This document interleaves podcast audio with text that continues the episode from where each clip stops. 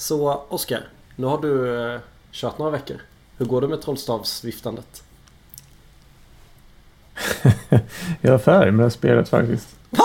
Om du syftar på Hogwarts uh, Legacy. Ja, jag, körde igenom, jag körde igenom main storyn, sen kändes det inte som det fanns någon anledning att nöta med. Det var ett barnspel?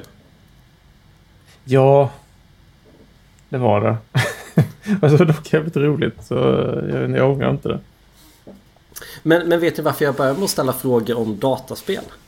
Dataspel brukar ju oftast ha väldigt tydliga liksom, tutorials, onboardingar, liksom så här går det här spelet till.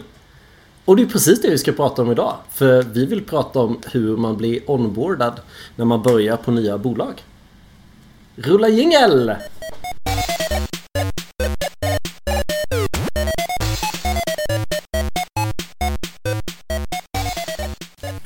Eh, välkomna till Snack Overflow. Jag heter Mattias och sitter här idag med Andreas. Tjena! Och Oskar. Hejsan. Hur är det? Säg alltid ett namn i slumpmässig ordning. Jag försöker slumpa men jag tror att man blir biased och gör det på ett visst sätt. Jag vet inte. Jag säger bara hejsan. när jag hör mitt namn. Du, ja. du är liksom så här, har inget runt omkring dig för någon säger och Oskar. Nej, full koncentration. Jag är inte ja, bort dig på introt, Oskar. Jag är inte bort dig på introt. Den här gången igen. Ja, det har hänt några gånger. Ja, ja. Men ganska ofta så börjar vi nya uppdrag. Andreas lite för ofta sista tiden kanske? ja. eh, hur tycker ni egentligen, alltså om vi, utan att dyka in i något speciellt. Vad tycker ni generellt? Funkar onboarding ute på våra bolag? Ibland. Ja, både ja och nej, ska jag säga. Jag skulle säga att det är så jäkla olika på så olika sätt.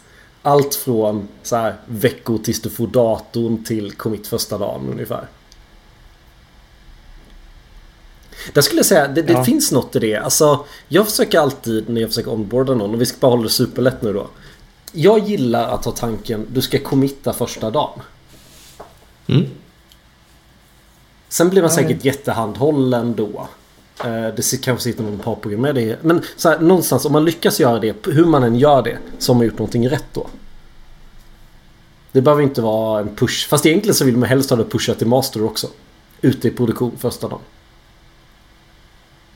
Ja men det är väl en ganska rimlig devis att man eh, tvingas eh, sätta sig in i kontexten lite och köra pipelines och stå för någonting direkt. Även mm. om det bara är en rad. Mm. Mm. Sen kan oftast att det finns att det finns preppade uppgifter för möjliggör det. För jag har varit på lite uppdrag där har man liksom en typ, en, en sån sak. Gå in och ta bort det här i en readme-fil och göra en commit. Bara för att få liksom känslan av vilka checkar som körs vid commit och hur en pipeline ser ut. Men brukar ni liksom ha, ha riktiga uppgifter på första dag då? Eller hur brukar det se ut? Ja men det är ju så jätteolika delvis beroende på var mm. projektet befinner sig. Är det ett projekt som är igång och rullar skulle jag säga. Vet man att någon är på väg in, håll en sån uppgift. Mm. Uh, nu senast, om jag bara reflekterar utan att... Det har jag inte tänkt på innan. Men senaste teammedlemmen vi har inne i vårt team bara för tre veckor sedan kanske.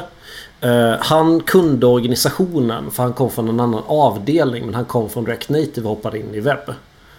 Uh, så vi sa liksom så här, men den här sidan ska se ut ungefär så här om ett litet tag. Du kan hoppa runt, för det fanns typ ett skal.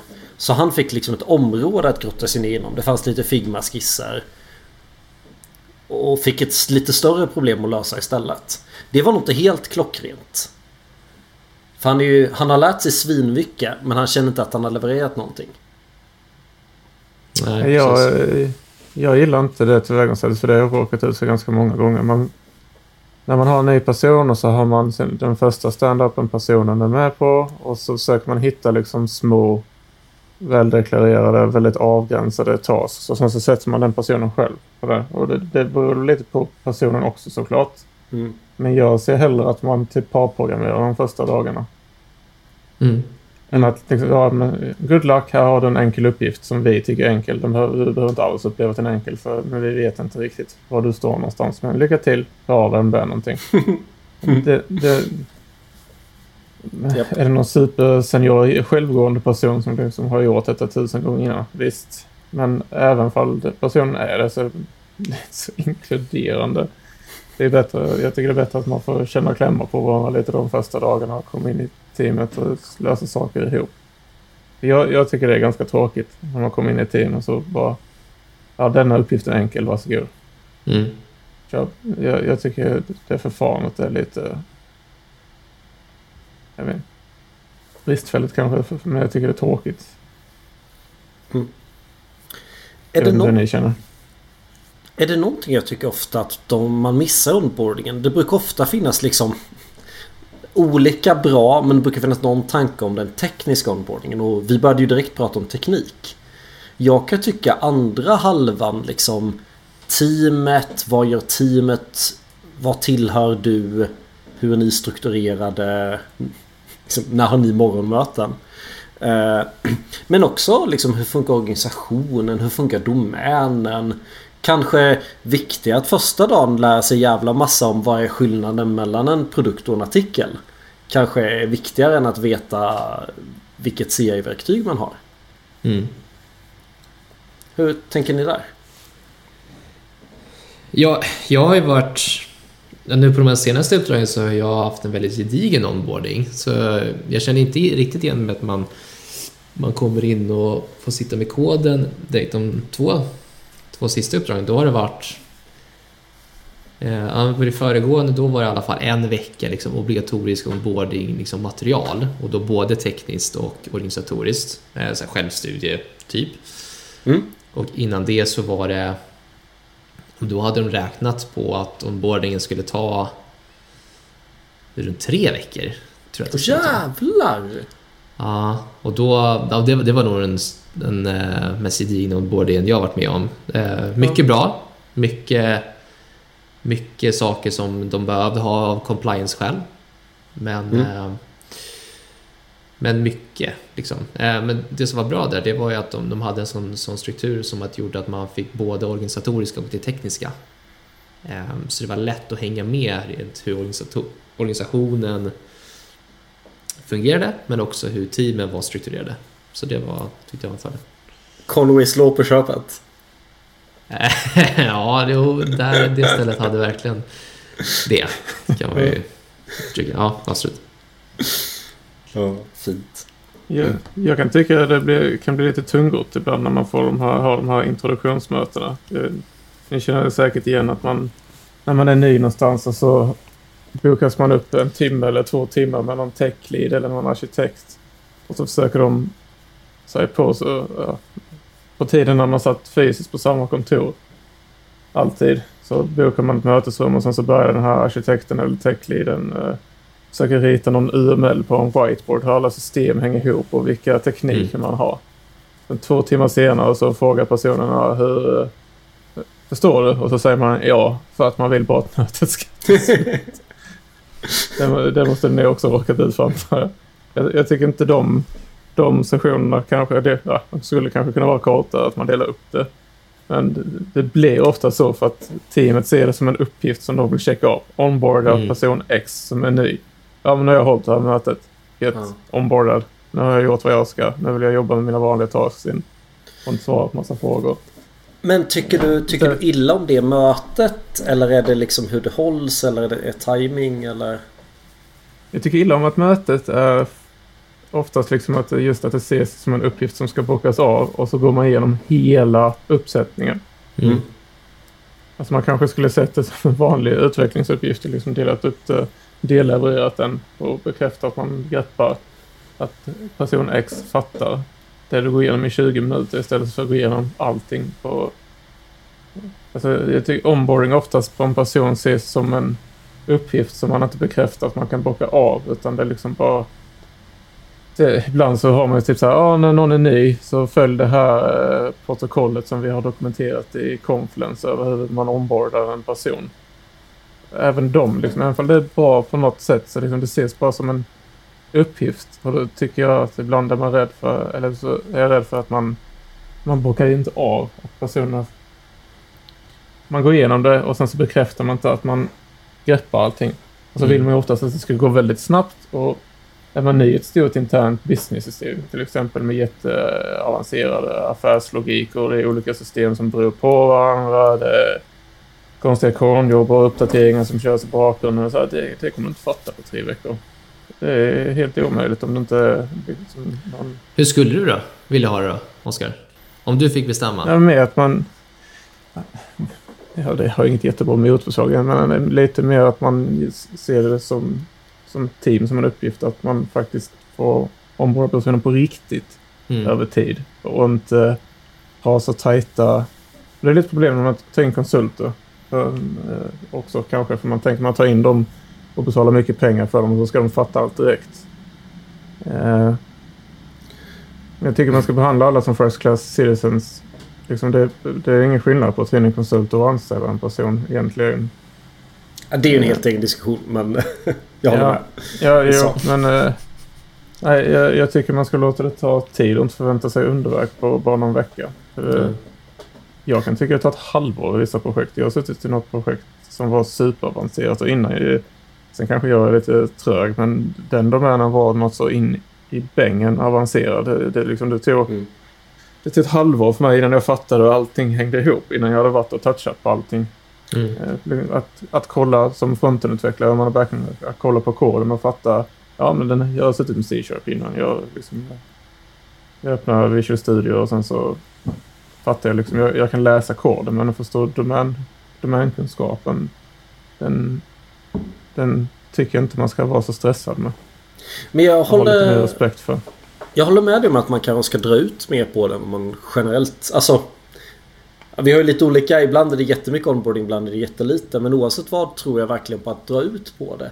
Och jag skulle nästan vilja vända lite på det. Att så här, man brukar ha de här checklistorna. Att det är lite mer drivet av, av den som ska onboardas kanske. Att det är upp till den att bestämma. Nu, liksom, du ska ha mötet med arkitekten. Men det är lite du som bestämmer när det är dags. Mm. Och att man på det sättet liksom driver sin egen onboarding. Då kanske återigen tillbaka kan, kan passa lite bättre för lite mer seniora. Men jag tror ganska tidigt att man själv vet hur man... Ja, men när, man, man ser vad det finns för möjligheter. Man har möjlighet... Liksom, en checklista är bara en, ett smörgåsbord av möjlighet att lösa sina problem. Och så väljer man själv när man vill checka av dem. Nu känner jag att jag behöver kunna det här. Så nu är det dags för mig att checka av den här rutan. Mm, det tror jag kan vara bra liksom, på folk som kan ta för sig. Jag jobbade med en kille som heter Olle en gång när han, när han var ny i teamet så bara sa han på standup... Alltså, för han var backendutvecklare och eller så här, jobbade mycket i molnet. Och på standup så bara pekade han på en ny person varje dag. Idag ska jag sitta bredvid dig och jobba. Och sen så var det liksom en ny person varje dag. Så han gick runt hela teamet och satt och jobbade med alla. Han kom igång snabbt. Mm. Jättebra ju. Och liksom ställde frågor till alla. Men han var ju alltså parprogrammerade typ med dem? Alltså... Ja, eller bara satt bredvid och kollade på vad den andra gjorde och ställde ah. tok mycket frågor. Alltså hans, hans devis var att jag ställer frågor tills jag förstår. Mm. Och det var jättefrustrerande emellanåt. Man kunde bli arg på honom för han var en väldigt karismatisk person. Men han ställde frågor tills, liksom, tills det tog stopp. Mm.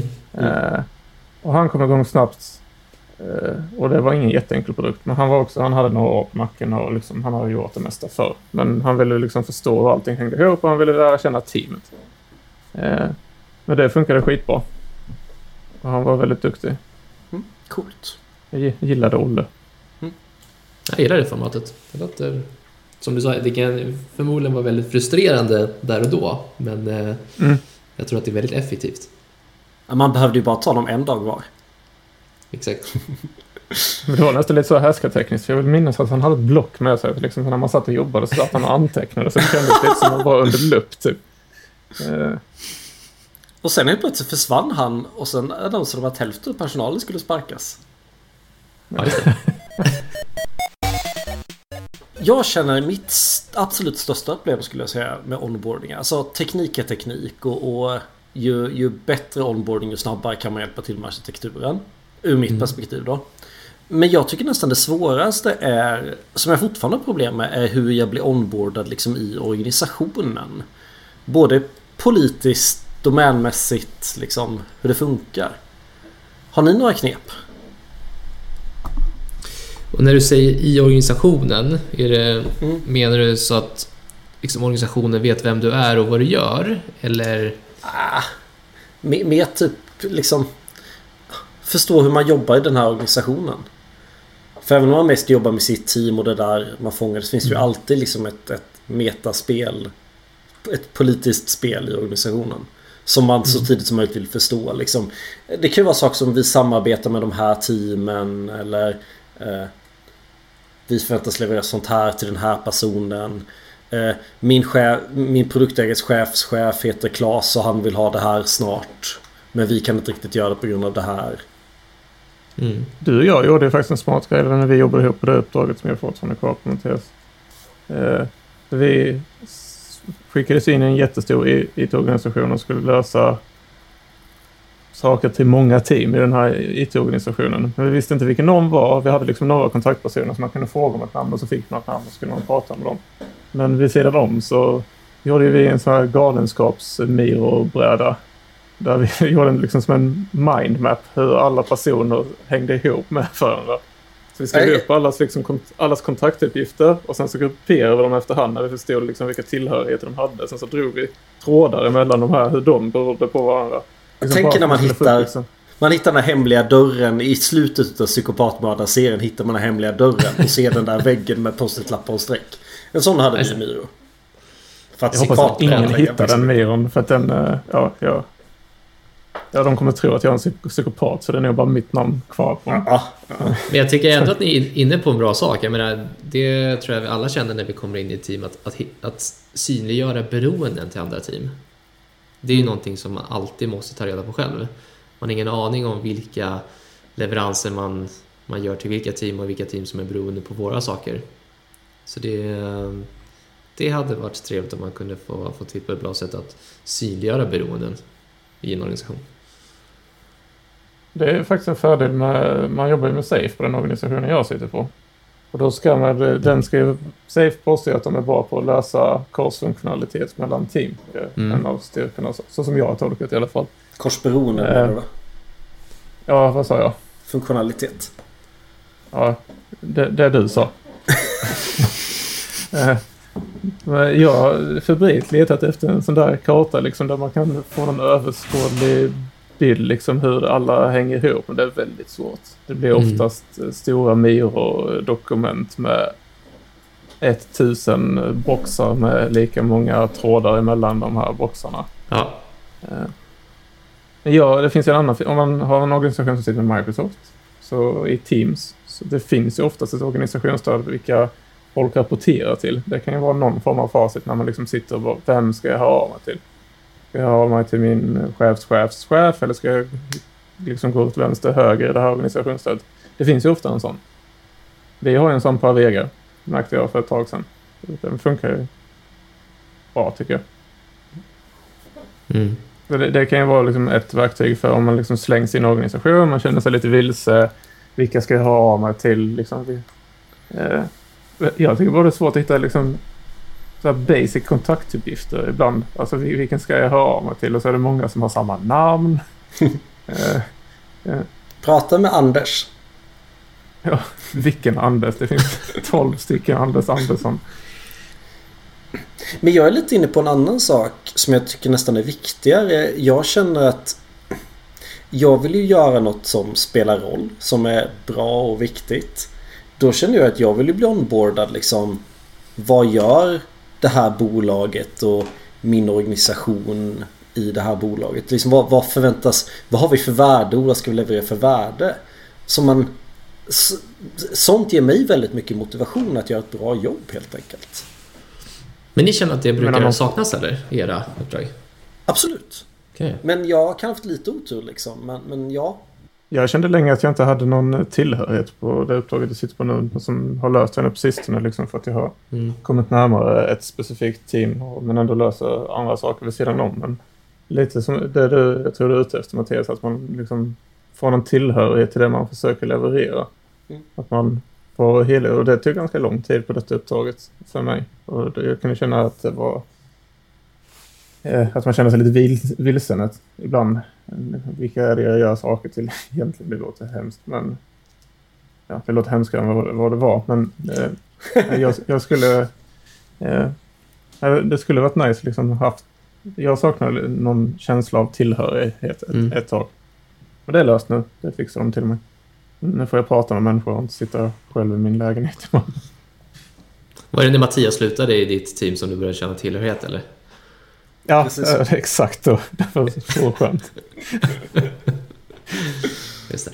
Allting kom på plats. Nej, men jag, jag, jag tycker på den frågan Mattias, jag tycker att de projekten jag har varit i, nu har jag varit i väldigt gedigna onboardingprocesser så då finns ju alltid det och då börjar man alltid med organisatoriska och sen när man är klar med det så, så kommer det över till det tekniska men då brukar den organisatoriska delen brukar gå igenom liksom visioner och varför eh, företaget gör som de gör och, och vad de strävar eh, mot. Det tycker jag har varit solklart i de organisationer jag har varit i. Förutom det uppdrag jag är nu då, då var det absolut noll onboarding.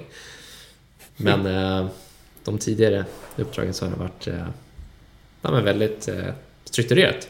Kan jag påstå. Och det finns ju problem med det också. Men...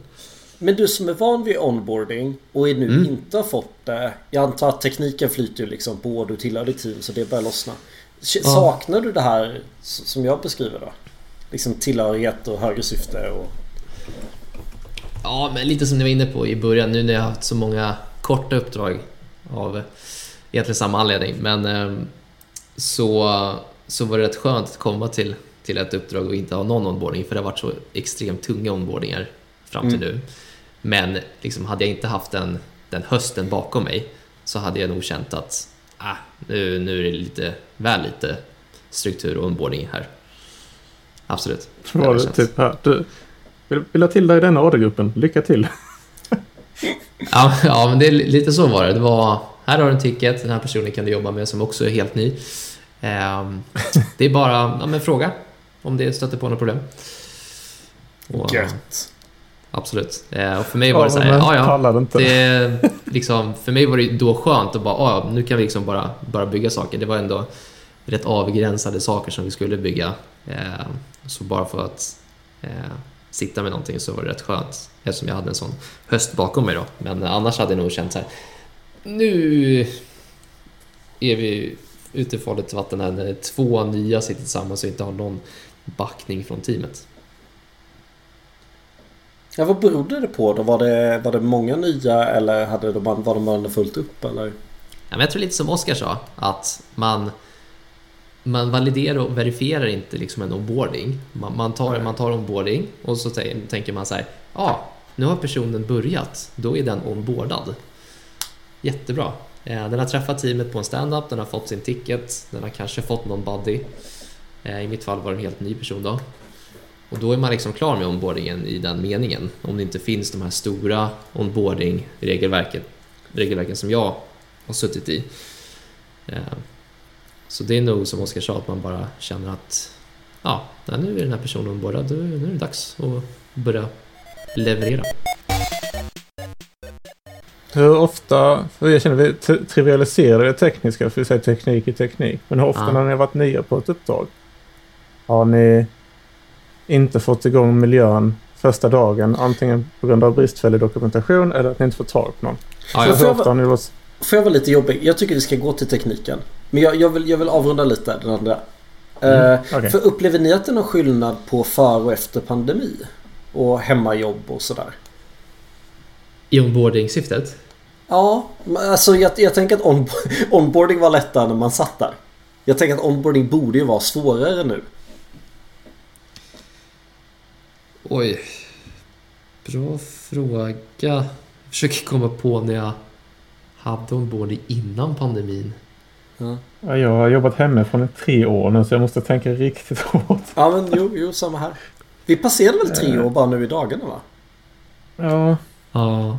Nej men jag tror absolut att om jag tänker långt tillbaka innan, innan pandemin, då var det ju mycket mer att eh, man fick träffa fler delar av organisationen på ett alltså enklare sätt, tyckte jag. Att ja, men det här teamet håller på med de här, nu kan vi gå och snacka med dem för att liksom få, få en introduktion kring det.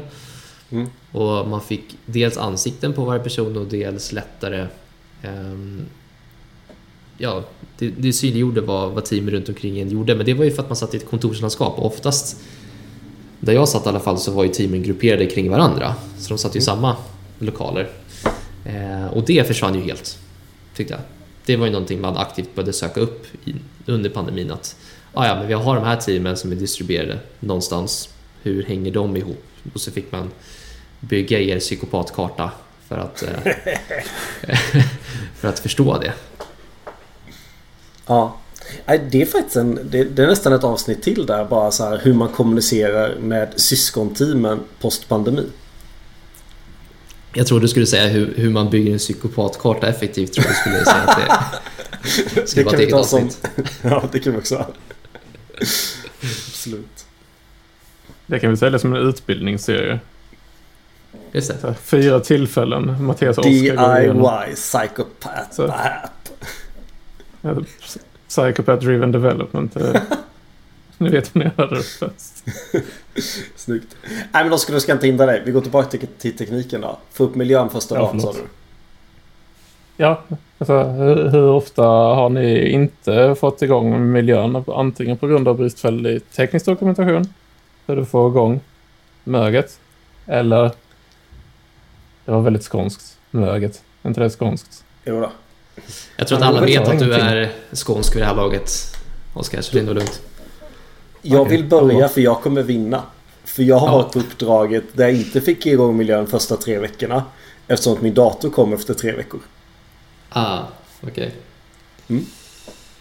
Ja, mitt, mitt rekord är två veckor. Det slog mig. Jag, hade ingen, jag kom inte in i byggnaden utan jag fick ringa en person som kom ner och öppnade dörren och sen så kom jag in och sa hej, jag har ingen dator idag heller. Kul. Vem vill jobba med mig? jag hade två veckor så på ett uppdrag. Ja, det. Ja, men det är nog varit, varit med om att jag inte haft en dator. Men det är ju alltid, det är alltid strul. Och få, när du väl har en dator så är det alltid strul att få igång datorn. Det är ju... Jag upplever att det blir bättre och bättre. Delvis liksom molnifieringen. Och ja. delvis eh, löskopplade tjänster. Det känns som att man ganska ofta, vi är ju mest webbar allihopa. Alltså mm. det är ganska ofta man bara kan liksom klona ett rep och köra npm run dev. Mm. Och kan man inte det så kan man oftast efter ett litet tag komplettera koden som bara kan köra npm run dev eller npm start. Så jag tycker att någon det... sån local settings-fil med ja. variabler som du måste, som inte finns någonstans för det är hemligheter och så måste du försöka hitta rätt personer så det är ingen person som, mm. nej jag vet inte, jag kan jag inte ta dina uppgifter, nej det funkar inte. Nej, nej, Precis, för det, det tycker jag händer, händer, varje gång. Att man, man, har liksom, man har varit i projektet som man byggt och byggt och byggt. Och så plötsligt har man dels byggt upp liksom komplexitet på sin egen burk med lokala environment-filer som aldrig checkas in. Men allt funkar ju för alla i teamet för att alla sitter så här dagligen. Och så kommer en ny. Och så vet inte ens de som varit i projektet så här, vad är det för nycklar egentligen vi har här? Och så är det alltid en, en missmatch mot det. Det tycker jag alltid, alltid händer. Och det kan ta en dag att reda ut. Jag åkte ut för att jag inte kunde köra miljön för att jag hade en för ny Node-version lokalt. Ja. En gång. Ja. ja, det händer rätt ofta tycker jag. Jag vet inte, det har jag. Jag har varit lite mer förskonad från sista tiden. Jaha. Ja. Det var något med miljövariabelfilen på jag sitter på nu. Men det var typ så copy-paste från grannen. För, för, så här, och det är väl någonting så här. Jag tycker det är jättebra om man börjar börjar på kontoret. Liksom. Mm. Första dagen sitter man på kontoret med teamet. Jag håller med. Oavsett hur många dagar i veckan teamet är på kontoret ska man pricka en sån dag. Ja, men, alltså, nu slår det mig. Alltså, när, för nu har jag suttit, nu har jag nästan varit på det uppdraget ett år. Och när jag skriver saker. Alltså i början av en ny så tänker man. Åh vad jobbigt. Jag behövde alla de här sakerna för att liksom komma igång. Men nu när jag har suttit med grejer i ett år det slår mig nu liksom, jag tänker inte på alltså alltid liksom. Och så adderar man komplexitet och sen andra mm. adderar komplexitet. Man glömmer snabbt bort hur mycket behövs för att köra upp det här. För nu är vi tio personer som kan ha det fungerande på... Och sen så glömmer man bort det. Ja, ja. Det är det jag menar. Alltså man har inte den aspekten liksom hur enkelt ska saker vara att komma igång med. För det, det kan kosta jättemycket pengar att ha Säg att du trycker in jättemycket nya människor i ett team och ingen får igång sin utvecklingsmiljö och så bara surrar de i en liten ja, en bubbla första veckan. Det är liksom det är potentiellt tio personer som inte har bidragit med någonting på en vecka. Mm. Och så sitter man i olika tidszoner så man jobbar bara samtidigt som resten av teamet tre, fyra gånger om dagen eller tre, fyra timmar om dagen. Liksom det, det kan snabbt bli ganska mycket pengar för bolaget att man inte prioriterar att saker ska vara enkelt att komma igång med. Men alltså jag förstår att det finns komplexa miljöer men vad, vad är det ni har då? För jag upplever att sånt där jobbar man ju bort liksom. Var, varje gång man behöver hjälpa någon så försöker man göra det som behöver hjälpa nästa person lite mindre. Har ni så mycket Men, sånt ja. lokalt? Lite miljövariabelfiler liksom. Ja, fast sen, sen, sen, någon, någon har sagt att ja, Docker är jätteenkelt Mm. tills det inte är det. Eller typ så här, ja, men du behöver bara köra igång den här Kubernetes-snurran. Du behöver inte kunna Kubernetes. Så, Ja. Eh, Nej, men jag tycker det är som, ändå- som Oskar säger, antingen är det Node-versioner, environment 4 eller så är det Docker och ja, Kubernetes då. Eh, som alltid eh, är svårt att få upp för, för en ny. Då kanske det är så att den, den, röda tråden i den här diskussionen är att jag aldrig behövt jobba med Kubernetes direkt. Jag hoppade ju direkt Nej, in i cloud. Jag hoppade direkt från on-prem till cloud. Och bara cloud Ja, men, native. ja, precis. Nej, men till exempel nu, nu sitter jag i ett projekt där, där vi har massa, vad blir det då, polyrepon, så det är jättemånga repon ut, utspridda överallt. Mm. Och varje repo har sin egen komplexitet på eh, olika Node-versioner som de stödjer. Och vissa Mm. projekt går inte att, stö- eller så det går inte att köra i, i högre Node-versioner, så det är ju alltid när man hoppar mellan så kör man igång så bara varför funkar inte det här för? Och så bara just det, ja, jag måste ju byta Node-version fram och tillbaka. Och så, eh, sånt där är lackar ju- man inte ur på det och fixar det? Eller går inte det? Jo, och det är väl Då tanken blir att det vi ska ett fixa himla det. sidospår men... Ja, nu tyvärr är det en så stor applikation så att det kommer krävas lite. Eh, Ja. Det är inte bara en handvändning. Ja men varje, man skjuter ner en i taget. Jag menar inte att man ska göra en, Mm. liksom, skapa en user story och allt på en gång. Utan skjuta ner en efter en när man drar fram. Nästa gång du får Ja. meddelandet så fixar du en. Absolut. Och det är liksom, vad kallas det? Boy Scout Rule. Att liksom lämna det i bättre skick än vad man fann det i. Eh, tyvärr så är inte alltid verkliga världen så, Nej. så boy, boy scoutig så att säga. Jag älskar Boy Scout Rule. Kan Isidor intyga. Om jag fått honom att börja lyssna. Ja. Jag saknar nästan lite det med att jobba med dig Mattias. All, allting vi skulle lösa, hur svårt kan det vara? Du har alltid en super, supernaiv inställning till allt vi skulle göra. Medan jag är lite mer tvärtom och grottar ner mig för mycket. Ja, men det- varandra bra. Det är nog min programmeringsstil. Ja. Gör det lite fort och lite fel. Ja, jag precis det jag gjort nu. Jag har releasat... Vi, vi har, jag har släppt en ny header och footer som finns på... Liksom inte ens på beta-sajten men, men några team har börjat använda den. Så har det Mm. trillat in lite buggrapporter och nu tror jag den är stabil. Jag menar ingen kund har fått något skit över det utan någon har frågat Du, den här knappen, ska inte den funka? Jo. Och nu funkar den. Ja, men det är väl hela, hela grejen med vårt arbete att, att testa oss fram också, tänker jag.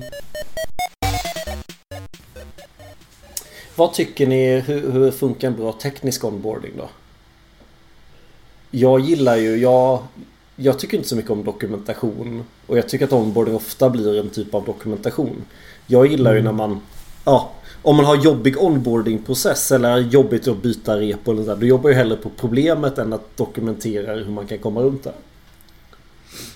Jag tycker, jag tycker, eller jag brukar skilja teknisk dokumentation på dels eh, teamdokumentation, alltså hur vi bygger saker i teamet och organisationsmässigt om det finns sådana strukturer såklart. Ja, ja. Det finns ju på de här lite större företag, jag kan tänka mig att det är på era också, att det finns de här stora teknikkartorna som man snackar om.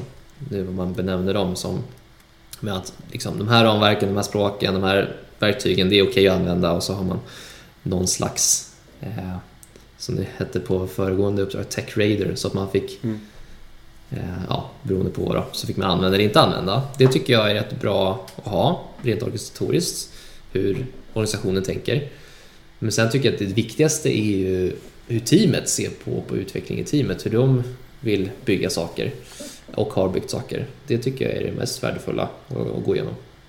Och, och då ser jag nästan som att man inte, om, om teamet får vara ansvariga för konventioner i koden.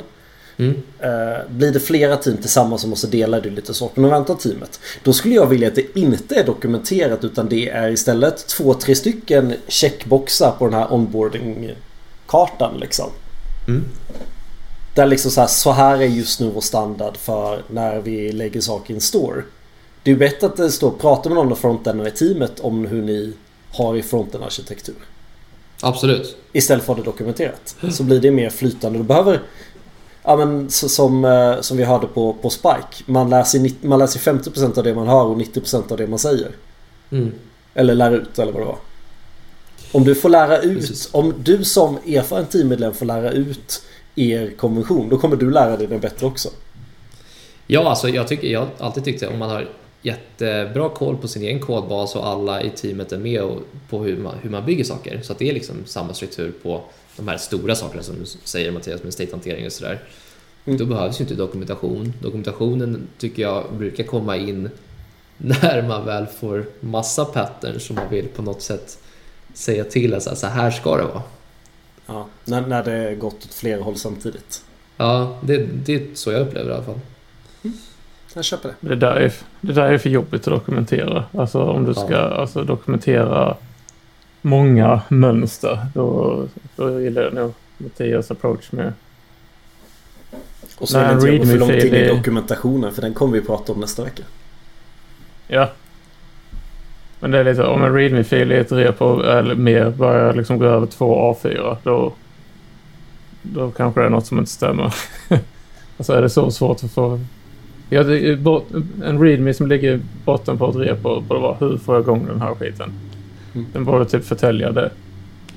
Men Mm. när det blir massa annat krimskrams och så mönster och skriv koden så här. Eh, nej. Eh, Jag tycker det är bare minimum på en readme att den ska beskriva hur man får igång saker lokalt. I den bästa av världar så ska det finnas tillräckligt mycket i readmin för att du ska få igång det först liksom inom en timme. Lägg till de här sakerna, miljövariablerna. Så det är det du saknar då? Ja. Då får man bara lägga till en kontaktperson i readmin. Hör av dig till person X.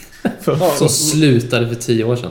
Man räknar Ja. bara antalet commits på aktiva GitLab-users. Ja, så, Den som har så committat kollar mest i... Så måste man kolla i robot eh, TXT. Använder folk den fortfarande för att se vilka som har jobbat i projekten? Det var länge sedan jag såg en sån. Vad Nej, heter ja. Robot... det var länge sedan. Det fanns en sån liten fil som man kunde lägga i botten på projekten som hette någonting robot någonting och där skrev man in typ så här antingen skrev man in när man började och när man slutade eller skrev man bara in liksom när man slutade att man hade jobbat på projektet. Det var en sån Gästbok rolig- typ. Ja. Det har jag aldrig talat om faktiskt. Har ni stött på något roligt format då liksom så här? Vi pratar ju mycket face to face. Har ni stött på någon så här quiz eller video-onboarding eller något? Oh ja.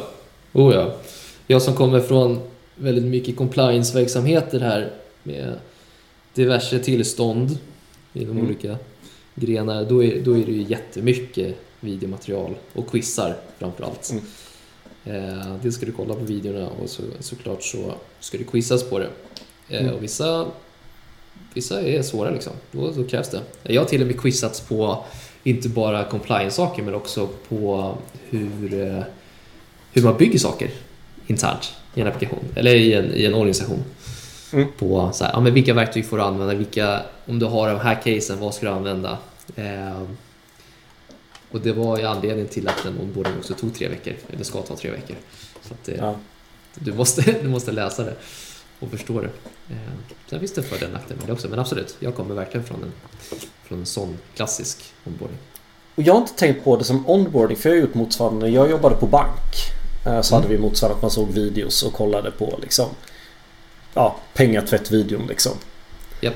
Eh, sen har man här läst motsvarande pdf och de har och sen signerar man att man på heder och samvete har läst det. Ja. Ja. Så jag, jag, jag, när det är tråkiga dokument så gillar jag att man lägger andan, alltså att man anstränger sig nog att göra en video. Kan, och då, då kan jag köpa att jag behöver göra ett quiz. Mm. Men jag tror inte sånt, jag har aldrig stött på något sånt med teknik. Utan det är på Nej. sin höjd confluence. Och Mm. jag tycker oftast det är sämre än bara face to face. Ja. Robot TXT var inte det jag sa. Rättelse. Det var någon sökoptimeringsgrej. Jag kommer Ja, inte jag ihåg vad... det. Ja, jag hade fel igen. Vi tycker om dig då. Tills vidare. Quiz har jag aldrig råkat ut för. Det låter ganska mysigt ändå. Första gången är det mysigt, sen så är det, är det inte så mysigt längre. Det mäts du på hur bra du svarar på quizen då är det tråkigt. Ja, du måste ju ha en passing score, måste du ha hela tiden, annars måste du göra om testet hela tiden. såklart. Men eh, nej, det finns ju kanske inte något som rapporteras till din chef. Så nej, Oskar han behövde skriva om just den här modulen här tio gånger. Jag vet inte om det, det är helt rätt. Är det som när man gör Azure-certifikat? Du måste ta bort allting från ditt skrivbord. eh, Ha ett videosamtal med någon person som sitter och kollar hur ditt rum ser ut. Nej, men det var lite kul Filma på... vänster, filma höger. Ja, men på senaste uppdraget jag var, då var det sån där klassisk certifikat eh, onboarding, man skulle quizza och sådär. Och så fick man ju så här virtuella diplom efter när man hade genomfört eh, en, en modul. Då var det någon, någon person på det bolaget, han hade skrivit ut det i pappersformat och satt upp på väggen. Så här, nu är jag certifierad. det tyckte jag var jättekul. Ironiskt eller inte? Ironiskt såklart Ja, att ja. nu, har- nu är jag, okej, nu är ja, jag tack. certifierad på er, er onboarding här på, här företaget. Det tyckte jag var ja, klockrent. Vackert. Det hade varit riktigt sorgligt om det inte var ironiskt. Det hade varit det Ja, mest sekt, sektiga bolaget någonsin. ja, faktiskt. Ja, men vad säger ni? Har ni något mer ni tänker? Onboarding är svårt. Det krävs struktur. Jag tror, precis som Oskar sa i början, att sluta se det som bara någonting man har gjort när personen väl har startat, utan det är faktiskt viktigt. Eh, och krävs mycket av teammedlemmarna. Att det är pull, inte push, gillar jag. Mm. Mm. Att det är upp till mig att säga, checka av att nu kan jag det här. Inte upp till arkitekten att förklara att nu kunde du det här. Och kanske upp till mig att bestämma när det är dags för mig också. Eftersom man lär sig olika. Om man kan lämna det på individen. Absolut, absolut. Och sen så jag kommer fortsätta sträva efter, alltså framförallt vi som jobbar med webb. Pusha till prod första dagen. När det är möjligt. Annars Ja. committa till master. Mm. Eller vänta ett halvår tills vi gör nästa produktionspush. Då är man på fel ställe. Kanske. Ja, cool. Men eh, då är det dags för det bästa på hela veckan. Eh, Veckans tips! Jag har faktiskt tänkt ut någonting denna gången. Riktigt proffsigt. Börjar du då Oskar? Som vanligt så är mitt aldrig Advokat. arbetsrelaterat. Eh, Mr Sidetrack. Eh, Jag har precis köpt en japansk kniv alltså till köket. Ja. Matlagning. Man får använda den i köket och gärna till matlagning. Men det är en japansk grönsakskniv. Nakiri tror jag de heter. Mm. Det är liksom som en eh, rektangulär eh, kniv med, som är rundad där fram men ser lite ut som en stor linjal typ i, i sin form. Ja. Och det är väldigt nice när man hackar grönsaker. Och det roliga det har lett till att jag märkte att en av mina eh, kompisar är väldigt knivintresserad och han har jäkla massa knivslipningsutrustning. Så i helgen så ska vi ha en mandate där vi först ska dricka, först ska vi dricka lite alkohol, sen ska vi slipa knivar. Det är så vackert. Så jag ska cykla bort till honom med en massa knivar i ryggsäcken. Jag vet inte riktigt om det är lagligt att cykla runt med knivar. Ja, det är det. Så länge man inte har dem i ett hölster på höften så borde det vara lagligt tänker jag. Du får skaffa så här häftigt läderfodral till knivarna. Kom igen Oskar. Om du ändå ska vara seriös så får du steppa upp här. Ja, jag får hitta någon som, eh, som kan, kan läder. Nej, så köp en nakiri. eh, om man gillar nakiri? vassa... Jag tror det. Det låter som en sushisås dock. Den, den är vass så in i bängen. Jag är lite rädd för att min sambo ska börja använda den för hon har riktigt dålig knivteknik. Hon har liksom fingrarna raka på det hon skär. Sen bara hackar hon. Aj, aj. Ja, det gör, det gör ont i ögonen att titta på. Hon har skurit av naglarna ett par gånger.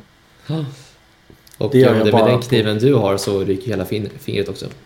Kan jag Ja, det är samurajsvärd. Ja. Snabb kniv. Vintern testar. Men då tänker jag ta över. För jag tänker ha tekniskt tips. Alltså investera i monitorering. Jag har så gjort en liten, eh, ett litet, en liten internapp bara. Det är så här 30 användare. Men ändå så här, jag har hackat ihop det lite snabbt så det kommer lite små buggrapporter. Och så satt jag ner och tänkte jag, ah, men fan det är en jätteliten app. Nu installerar jag ett monitoreringsverktyg. Jag valde Century för det är jag bekväm med. Från jag började tills jag var, tills jag var klar. Inklusive, och då räknar jag med en halvtimme att läsa på pricingen och övertala att så här, ja, men vi kan köra free tier ett tag. Det är inget konstigt. Eftersom att det tog en halvtimme tog, det- tog det totalt en timme. Och nu får jag, och det var inklusive, nu får jag Teams-meddelanden så fort det blir console error, unhandled exceptions eller API-anrop som fallerar. Så får jag reda på det och kan slacka med den personen. Och det är inte ens alltid de märker att någonting har hänt. Så investera den där timman i att slå på monitorering på en webbapplikation. Det är alltså return of invest dagar. Är det GDPR-compliant att ha kontaktuppgifter i loggarna så? Kan du lätt ta bort dem sen Mattias? Nej men alltså det är ju det är en intern applikation. Och det är mm. mailadresser. Okej. Ja. Jag, jag försökte bara vara dryg men det blev inte så kul. Nej, jag svarade seriöst. Nej. Nej men alltså... Wow, alltså vad, vad, vad billigt det är att komma igång med och vad värdefullt det är. Mm, jag, jag är inte så bekant med Centrum. Jag har precis, implementerat det på några ställen där jag sitter nu. Ja, men, och det måste inte vara. Century. Det var inte det jag tipsade om. Jag tipsade om att börja med monitorering. Century är bara det jag har råkat stöta på. Det kanske inte är bäst längre. Ha, Andreas? Ja, jag är ju klar med klassikern va. Så nu, det här kommer bli mitt sista träningstips i den här podden. Och det är ju då Någonsin? såklart... För nu ska du inte träna mer? Jo, jag, jag, jag har satt upp min nästa utmaning men det, jag tänker inte prata om den i podden. För jag kan tänka mig att det inte är så många som är intresserade av mina galenskaper. Nej, men jag är klar med klassiken och Vasaloppet gick ju av stapeln här som sista del för mig. Så Vasaloppet tänker jag nu som sista del rekommendera att någon gång köra i sitt liv. Och även där så är det, så är det mer en mental utmaning än en, en fysisk utmaning. Så, så kör det och kör helst hela klassiken. Nästa år är det ju faktiskt det hundrade Vasaloppet. Så det eh, kan jag rekommendera att köra. Coolt. Vad blev, Gick det bra? Hamnade, Vann du? Nej, det gick, nej, det gick, allt gick åt skogen kan jag säga. Eh, bindningen gick sönder, pjäxan gick sönder, jag höll på att bryta staven. Men eh, ja, det var... annars var kul. Annars var det kul. Första, första 40 kilometerna, hemskt. Andra halvan var, det, det var trevlig. Men eh, Härligt.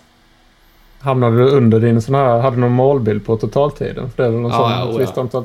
Och ja, eh, eftersom allt gick åt helvete. åt helvete oj då.